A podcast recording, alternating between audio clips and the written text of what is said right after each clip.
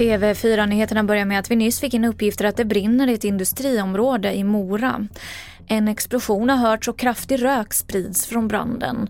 Räddningstjänsten uppmanar alla i närområdet att hålla sig inomhus och väg E45 har stängts av i båda riktningar.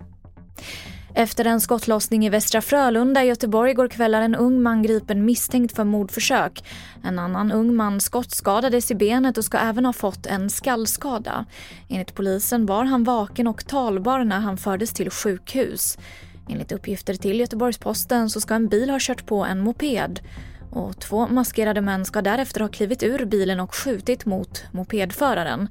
Men detta bekräftas inte av polisen. Vi letar alltid brett i sådana här uh, händelser och uh, vi utesluter inte att det finns uh, fler gärningsmän.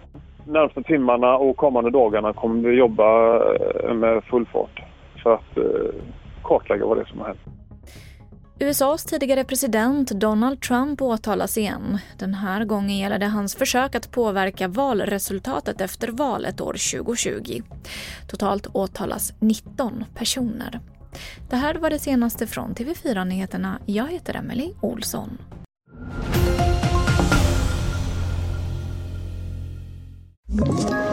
Ett poddtips från Podplay.